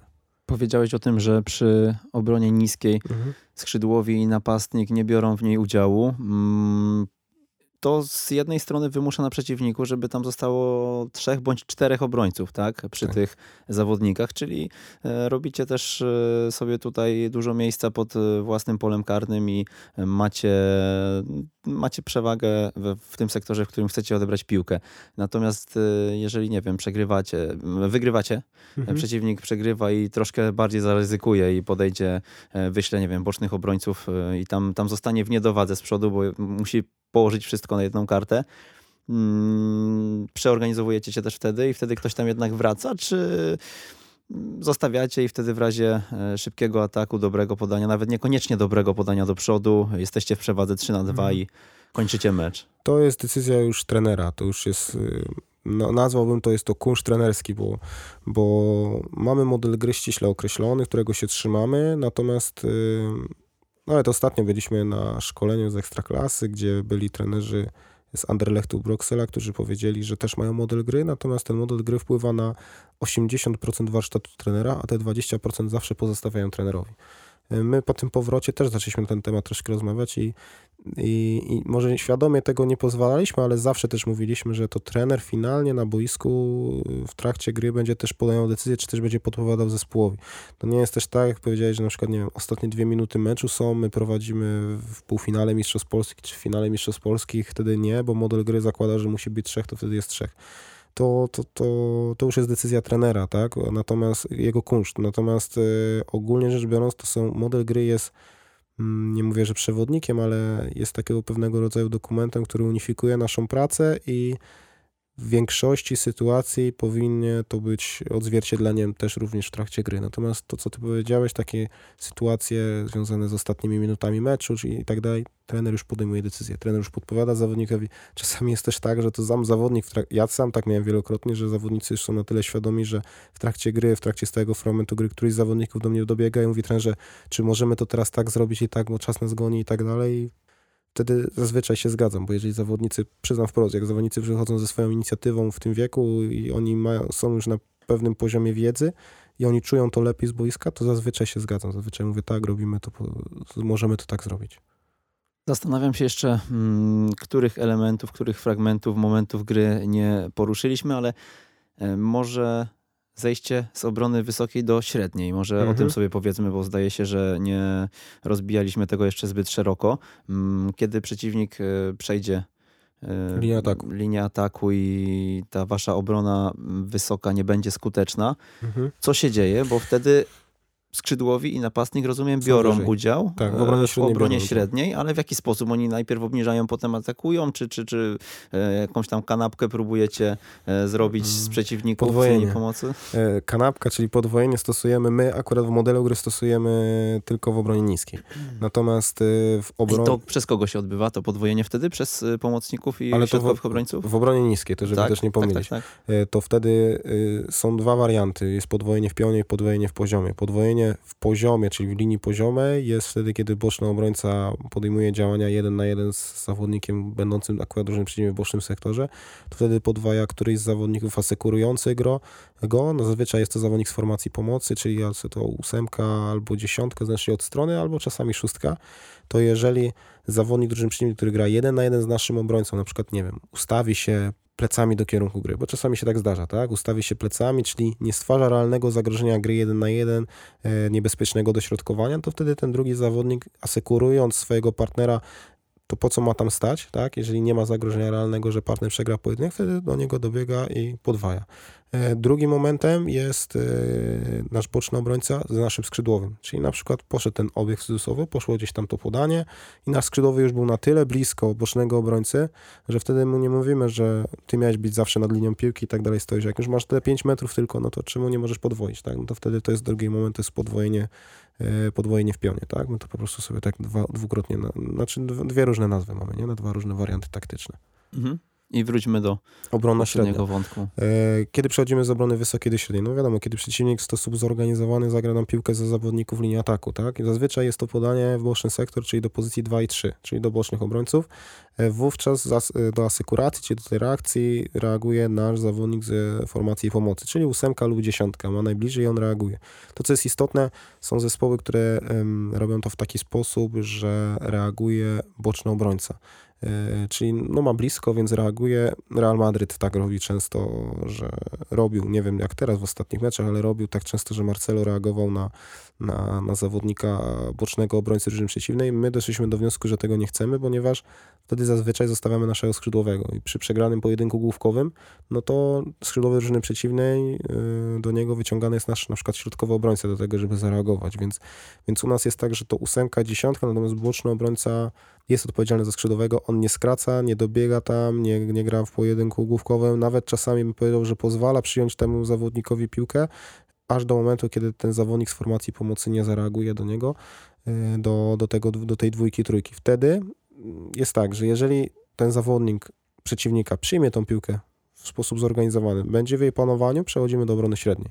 Czyli nasz y, środkowy pomocnik reaguje, opóźnia jego działania w pierwszej chwili, pozwalając w tym czasie, kiedy ta piłka leci, kiedy ją przyjmuje, kiedy ją opanuje, do tego, żeby zawodnicy formacji ataku wracali, tak? I oni w ciągu akcji zaczynają wracać i wtedy ósemka powiedzmy staje się jedenastką, a jedenastka staje się ósemką. Kiedy jest przegranie piłki z powrotem przez linię obrony, no to jesteśmy zorganizowani, jesteśmy 4-1, 4-1. Dlatego no, często jest to dosyć popularne. Teraz myślę, że zapoczątkowała to jedna z osób, która, która, która jest wspólna dla Rakowa, czyli trener Śledź, kiedy zaczął mówić o tym, że nie, że nie jesteśmy na pozycjach, tylko na nich przebywamy, tak? Że nie jesteśmy dwójką, trójką, tylko przebywasz na tej pozycji, no to tak samo jest też tutaj w fazie bronienia, tak? A jak to wychodzi właśnie na boisku? Bo o tym łatwo powiedzieć, ale mhm. jak jestem tą jedenastką i nagle mam się odnaleźć w roli ósemki, to pytanie, kiedy wracam z tą rotacją i wracam na swoją pozycję. Kiedy... Na swoją pozycję. W momencie, kiedy zawodnicy podejmują decyzję, tak? Często jest tak, że kiedy na przykład, nie wiem, ta piłka wraca do linii obrony i ci przeciwnicy nie wywierają presji, nie wykonają kolejnego podania do przodu, tylko utrzymują się spokojnie przy piłce, to wtedy jak jesteśmy blisko siebie, to zamieniamy się miejscami. Natomiast ogólnie rzecz biorąc, często się też tak zdarza, że zawodnik do końca akcji przybywa na pozycji partnera yy, i nie, nie stanowi to dla nas problemu. Nie stanowi to dla nas problemu, bo my uczymy zawodników do gry na każdej pozycji. Zresztą w fazie ataku mamy tak szeroką wariantowość y, możliwości, czy to w ustawieniu 1-4-3-3, czy przy zmianie organizacji, że ci zawodnicy często przebywając w trakcie ataku, żeby zaskoczyć przeciwnika, przebywają też na innych pozycjach niż na swoich docelowych, na których powiedzmy rozpoczynali daną akcję. Więc to, to też patrząc w fazie bronienia, to też nie jest dla nas problem, natomiast też ogólnie rzecz biorąc, jest ich zdecydowanie mniej tych wymienności. Wymienność jest wtedy tylko i wyłącznie w obrębie właśnie na przykład tych dwóch pozycji, albo w obrębie pozycji 9, 10, 8, w obrębie pozycji takich jak y, linia obrony czy zawodnik z pozycji 6, już tych rotacji zdecydowanie mniej, bo też patrząc po profilach pozycji, no to nie, ch nie chciałbym, żeby w obronie niskiej mój środkowy obrońca był poza światłem bramki. U nas w profilach pozycji środkowy obrońca musi być to cudzysłowie wielki chłop, bardzo dobrze grający głową w powietrzu, też silny, przyszłościowo silny, powinien być to też silny zawodnik, tak? E, więc y, nie chciałbym, żeby ten zawodnik w momencie dośrodkowania przy jakiejś tam wymienności pozycji był poza światłem bramki, bo wtedy na przykład nasz zawodnik z pozycji 6, który, dla którego nasz wzrost nie jest istotny jego, tak? Bo jest to szóstka, która ma przede wszystkim bardzo dobrze operować piłką. Nie chciałbym, żeby sam został zawodnikiem na przykład z pozycji 9 drużyny przeciwnej, nie? Więc tu już mówię, idąc bliżej własnej bramki, tych tym wymienności jest zdecydowanie coraz mniej. W obronie wysokie one się zdarzają. Czyli najczęściej właśnie przy zejściu jedenastka za ósemkę, siódemka tak. za dziesiątkę. W obronie średniej jest 9, 10, 8, tak? Jeżeli jesteśmy stricte w obronie średniej i się w niej utrzymujemy, to wtedy jest wymienność pomiędzy nimi, kiedy jest zagranie pomiędzy środkowymi obrońcami. Dziewiątka ma daleko, to w którymś na przykład zawodników formacji pomocy wybiega, zamykając linię podania do zawodnika z pozycji 6, a dziewiątka wtedy staje się środkowym pomocnikiem. Skrzydłowi wtedy cały czas kontrolują bocznych obrońców. Czy przy pressingu macie też e, takie założenie, żeby nie faulować na przykład, bo już doprowadziliście do tego, że przeciwnik się zdezorganizował mocno i wprowadziliście mhm. trochę zamieszania w jego szyki. E, no i trzeba uważać, żeby go nie sfaulować, bo za chwilkę sobie odbuduje to ustawienie. No, z faulowaniem to jest tak, że ogólnie no faul jest poza przepisami, więc tego nie uczymy, tak? Nie poświęcamy też temu czasu. Ale czy zwracacie uwagę właśnie, żeby nie tak, faulować? Tak, oczywiście. Bo... No tak jak powiedziałem na samym początku, dla nas najważniejszy jest odbiór piłki odbiór piłki, czyli żeby odebrać tą piłkę, to muszę tą wejść w jej posiadanie w sposób, w cudzysłowie, że tak nazwę, czysty, tak? Czyli taki, który sędzia nie zareaguje nie przerwie akcji, więc, więc, więc faul jest tylko elementem, bym powiedział, taktycznym, którego nie uczymy w procesie treningowym, natomiast wiadomo, no, że zawodnicy z biegiem doświadczenia, ilością gier też wiedzą, żeby na przykład czasem jakiś kontratak zatrzymać i tak dalej, i tak dalej, że gdzieś tam łapią powiedzmy te kartki, natomiast taka jest piłka nożna, no to tego inaczej. Wszystkiego nie da się opisać, wszystkiego nie da się wytłumaczyć, e, nie da się na, na wszystko wziąć definicji, no to już idzie po prostu z doświadczeniem. To, co my też tutaj opowiadamy, no to są to duże szczegóły i zawiłości taktyczne, natomiast one są dla trenerów, tak?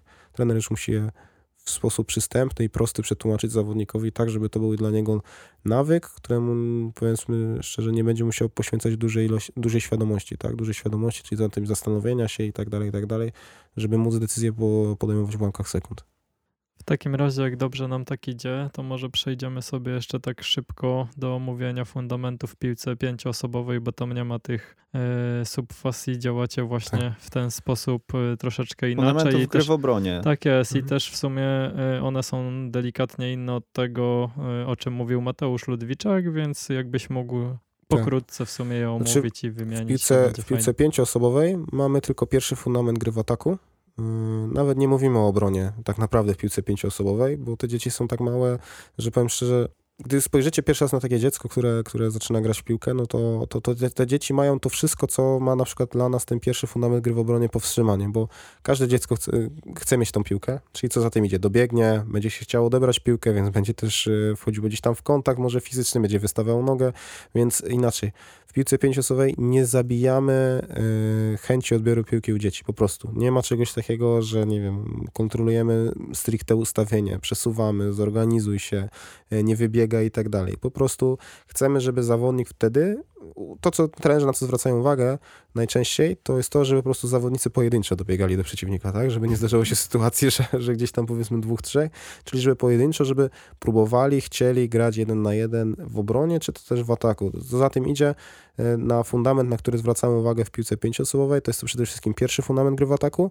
Jeżeli jest drużyna, e, grupa szkoleniowa, która naprawdę ma duży poziom umiejętności, już duży poziom świadomości, trener może podjąć decyzję, że chce zacząć nauczać pierwszy fundament gry w obronie, czyli powstrzymanie. I wtedy zwraca uwagę na to, żeby zawodnik skracał odległość, e, w drugiej kolejności, żeby odpowiednio ustawił ciało, czyli żeby zorientował w odpowiednie miejsca boiska, tak, i potem zwraca uwagę na techniczny timing, decyzję momentu odbioru piłki i techniczny odbiór piłki, czy to przez grę ciałem, czy to przez y, wygarnięcie, czy to wbiegnięcie pomiędzy przeciwnika a piłkę, tak, to już są różne sposoby odbioru piłki, więc, więc to oni wtedy na te szczegóły bardzo mocno zwracają uwagę, dlatego tam dla nas najistotniejszy nie jest model gry, tylko po to, żeby te dzieci najpierw nauczyć umiejętności indywidualnych, bo poza tym całym modelem gry, to tak czy siak zawsze to indywidualności będą decydowały o tym, czy wygrasz, czy przegrasz mecz. No to dawaj w takim razie mm, trzy Fundamenty. inne fundamenty w Fundament, obronie. fundamenty już potem się przewijają przez proces piłki 7 i 9 osobowej. Fundamenty gry w obronie, bo mówimy o fazie bronienia, Mhm. no to są cztery. E, wiem, że e, u trenera Ludwiczaka jest bodajże pięć, bo jest jeszcze chyba na końcu jedność, tak? Jedność, jest. jedność defensywna, natomiast my e, fundamenty opieramy o centrum gry. Centrum gry jest to miejsce, gdzie jest piłka. Nie jest to mierzalne, jest to, można nazwać takie koło, e, takie niewidoczne koło, w którym znajduje się e, czterech najbliższych zawodników w obrębie piłki. E, Czyli jest zawodnik pierwszy, który powstrzymuje jeden na jeden, jest drugi zawodnik, który wykonuje defensywną asekurację, czyli ustawia się od osi środkowej boiska. Oś środkowa jest to taka linia niewidzialna łącząca dwie bramki, tak? Żeby od razu też wytłumaczyć, co to jest Same środkowa, bo to, niewidzialne linie. bo to same są takie, tak?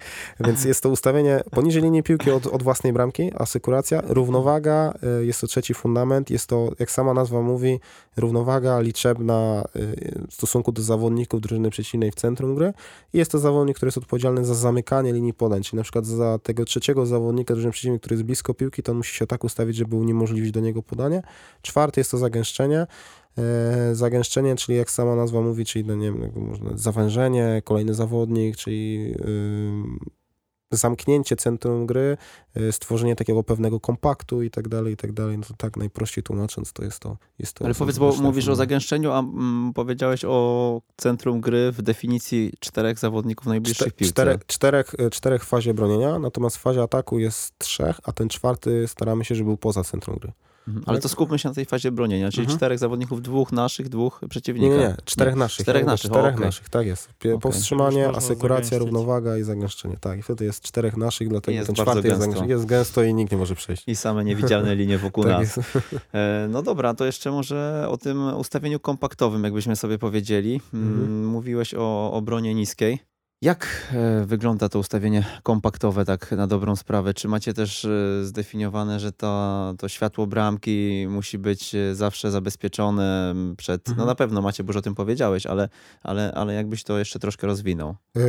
Kompaktowe ustawienie, stricte nie liczymy metrów i tak dalej, więc to już mówię, Mhm. to zawsze, zawsze wer, weryfikantem naszym to będzie ustawienie przeciwnika.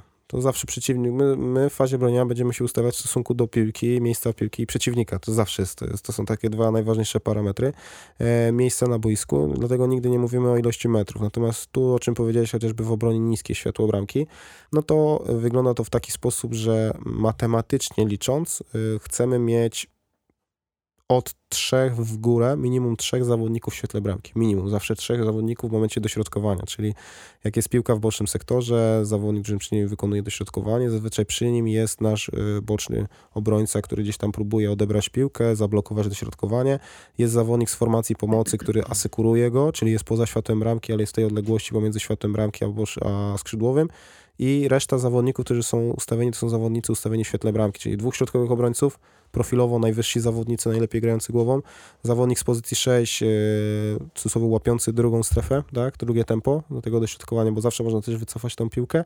I jest jeszcze zawodnik drugi z, drugi z bocznych obrońców po drugiej stronie, który też wbiega do światła bramki, kontrolując tego skrzydłowego, który jest zazwyczaj ustawiony do, te, do w cudzysłowie zamknięcia akcji, tak, więc zawsze mamy tych minimum trzech. Jak zdąży jeszcze jeden środkowy pomocnik, no to dla nas lepiej, że, że jest w stanie, natomiast więcej zawodników nie angażujemy, bo tak... Zdąży do, no do, środka, do światła bramki, tak, w momencie Mhm. dośrodkowania. E, natomiast więcej zawodników nie angażujemy, bo tak powiedziałem, chcemy bronić jakością, a nie ilością, czyli nie, że wszyscy pod linię piłki, tylko są zawodnicy, którzy mają to obronić, muszą mieć na tyle umiejętności, żeby sobie poradzić. Jeżeli sobie nie radzą, no to błąd leży gdzieś u nas albo e, w procesie treningowym, albo w procesie scoutingowym, natomiast ogólnie rzecz biorąc, patrząc po zachodzie, no to jak oglądamy mecze PSG, no to proszę mi powiedzieć, czy Neymar wraca do własnego pola karnego, żeby kryć. Czy Neymar za każdym razem wraca poniżej linii piłki? Nie. To jest taki kreator, że on ma, on ma przede wszystkim atakować. Kiedyś e, Ronaldinho w Barcelonie.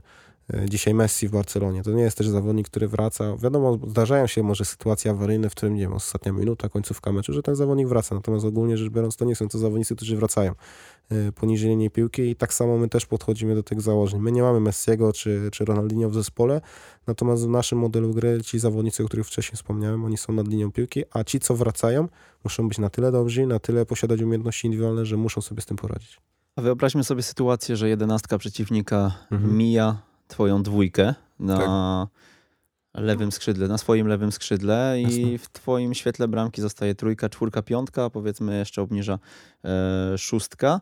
Dajesz wyciągnąć sobie piątkę, czy, czy dajecie w Akademii Rakowa, żeby, żeby do, kto, kto rusza jeden na jeden tą modelowo, modelowo nie pozwalamy na to. Modelowo wybiega zawodnik ze środka pomocy. Czyli jeżeli Czyli jesteśmy, tak, na przykład szóstka albo ósemka czy dziesiątka, Mhm. tak? Bo tak jak powiedziałem, ta trójka jest ustawiona troszkę liniowo w defensywie. Oni nie są ustawieni w trzech liniach w pionie i w poziomie, tak w fazie ataku, tylko są ustawieni liniowo i wtedy na przykład jeżeli dwójka czy trójka przegrywa, pojedynek indywidualny, to wtedy ósemka czy dziesiątka reaguje w asekuracji w bocznym sektorze, tam on wtedy podejmuje działania jeden na jeden, opóźniając, nie pozwalając przegrać do tego, żeby ten boczny obrońca zdążył wrócić, a resztę nie wyciągamy ze światła bramki. Na pewno inaczej, jeżeli już są działania awaryjne takie, że ktoś tam gdzieś musi wybiec, to zawsze 4 i 5 chcemy, żeby zostawał w świetle bramki jak najdłużej tylko jest to możliwe. W porządku. Do, jeszcze mm, do środków treningowych może wrócimy. Dobra. Ostatni wątek, y, który mi przychodzi do głowy. Powiedziałeś, że wszystko w grach, wszystko, e, te, te procesy decyzyjne powstają e, na bazie obserwacji zawodników i nie macie określonych metrów, e, linijek i tak dalej. Ale powiedz, bo gra w obronie to najczęściej schematy i najczęściej, e, najczęściej mamy to najprościej chyba nauczyć właśnie tego przesuwania, e, tego poruszania się według e, jakichś zasad. Jak wy tego chcecie nauczyć i w jakim czasie to się odbywa? Bo rozumiem, że teraz ściągają zawodnika do swojej drużyny U17. Mhm. On też tych zasad nie zna, prawda? To potrzebuje, żeby się nauczyć e, odpowiednich zachowań, bo wcześniej, nie wiem, w innym klubie mógł, wiedział, że e, w momencie zakładania takiego pressingu on e, robi dokładnie taki ruch, jaki ma robić, bo tak mu rozrysował to trener na tablicy. Czas, y, tak jak wcześniej powiedziałeś, nie są to, y, powiedziałeś i schemat i zasady, u nas są to zasady, nie nie jest to działanie schematyczne, bo zawodnik zawsze musi podjąć decyzję, więc są to, są to zasady poruszania się, natomiast o tym czasie, który powiedziałeś, to już jest kwestia indywidualna zawodnika, tak, to już jest czas jego adaptacji i też e, na to ma wpływ y, jego plastyczność szkoleniowa, plastyczność taktyczna, y, na niego wpływ też ma umiejętności trenera, czy potrafi to przekazać, y, czas też, jaki trener poświęci takiemu zawodnikowi, tak.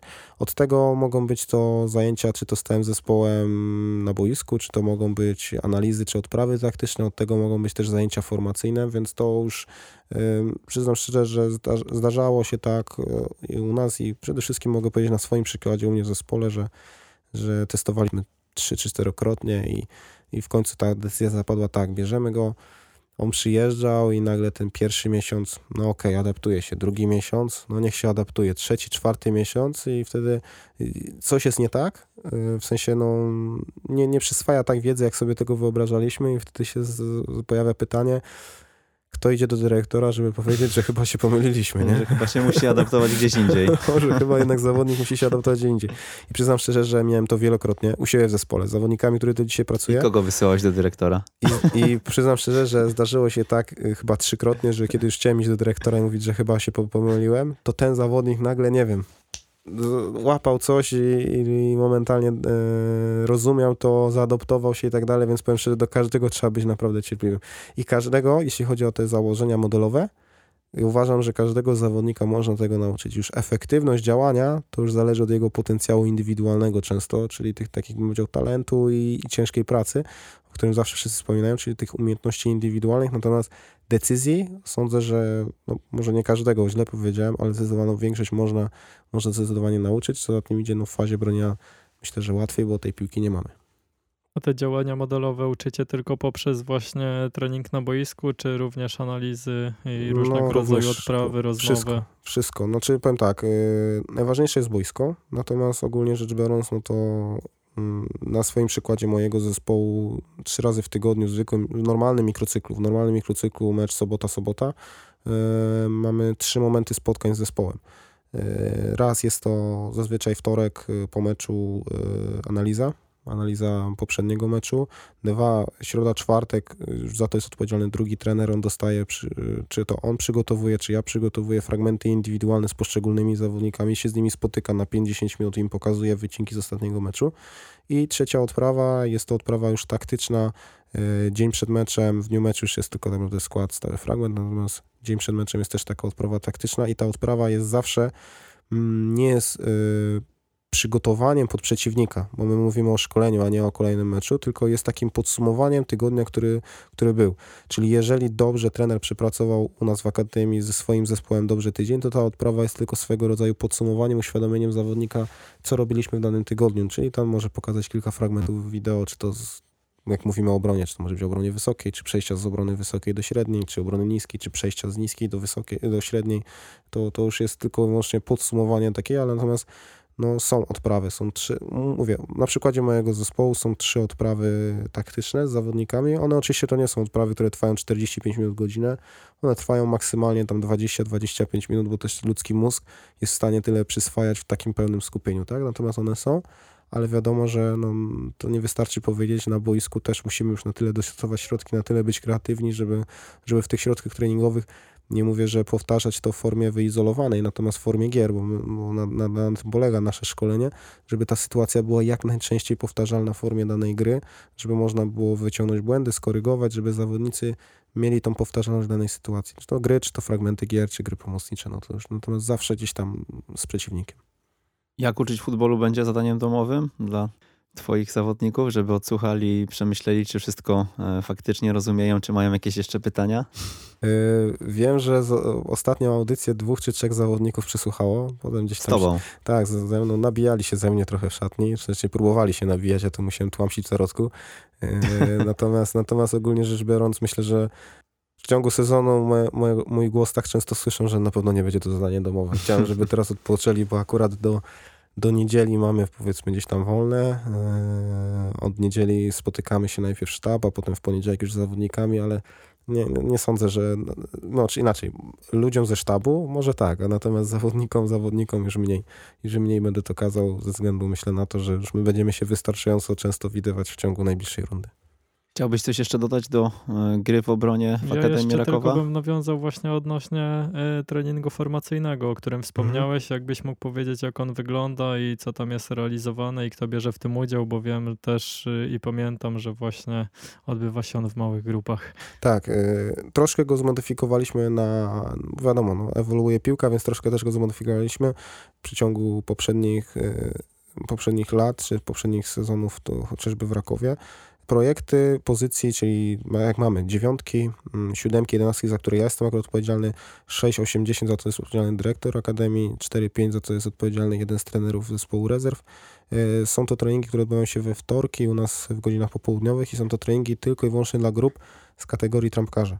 E, czyli tych początkowych grup piłki 11-osobowej. Im poświęcamy najwięcej czasu dla wiodących zawodników, których my tak naprawdę sami wybieramy jako trenerzy. Widzimy ich, że są wiodący na tle i tam no, u mnie jest zazwyczaj od 6 do 8 zawodników e, na pułapie trzech grup szkoleniowych, tak? Czyli wybieram sobie tych najlepszych, zawsze gdzieś tam jest dwóch skrzydłowych z każdego rocznika i czasem jakiś testowany zawodnik trafi i tak dalej, żeby go ocenić.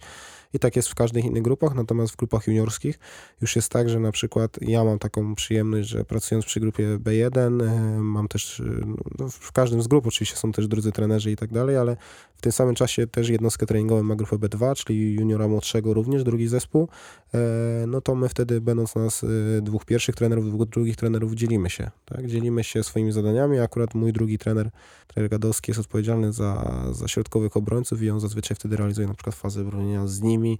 E, czasami jest tak, że rozmawiamy, że temu zawodnikowi jest nowy i potrzeba mu tego i tego, no to wtedy wiadomo, że ten trener w takim treningu formacyjnym, który jest za niego odpowiedzialny, też przemyca takie elementy, nie? Więc to już jest no to już mówię, no to już jest boisko, to już jest kwestia komunikacji pomiędzy sztabem i, i co za tym idzie potem egzekwowania tego na boisku. Powoli kończymy to. Dodałbyś jeszcze coś do tej obrony, o której dzisiaj sobie tak e, dokładnie i szczegółowo porozmawialiśmy?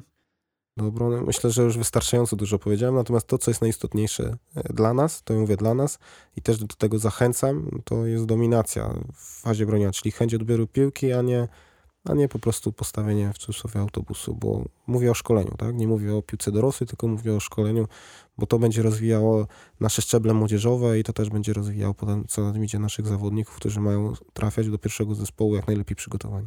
A w, a w piłce dorosłej już co, autobus?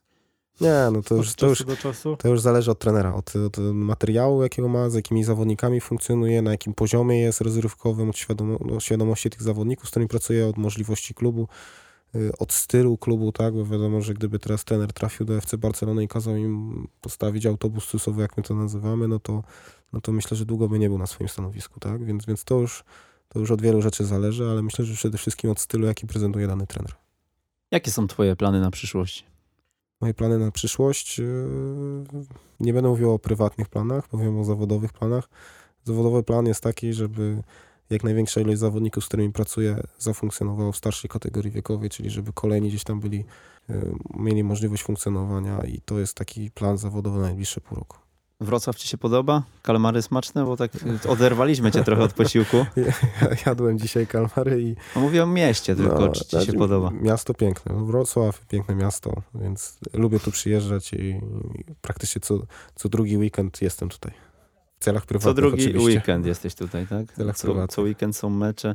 No dobra, nie będziemy przedłużać. E, Filip Raczkowski, trener główny piłki 11-osobowej Tak w Akademii Rakowa Częstochowa, trener drużyny do lat 17. Dzisiaj rozmawialiśmy o obronie, obronieniu właśnie w waszej Akademii. Dziękujemy bardzo za to, że poświęciłeś nam czas. Ja dziękuję bardzo za zaproszenie. Mam nadzieję, że, że było wystarczająco zrozumiale. Starałem się. Jak nie, to będziemy zgłaszać reklamacje i zapraszać cię kolejnym razem, żebyś tłumaczył to ponownie, Okej. jeżeli będą dochodzić głosy, że Okej. ktoś czegoś nie rozumie. Okej.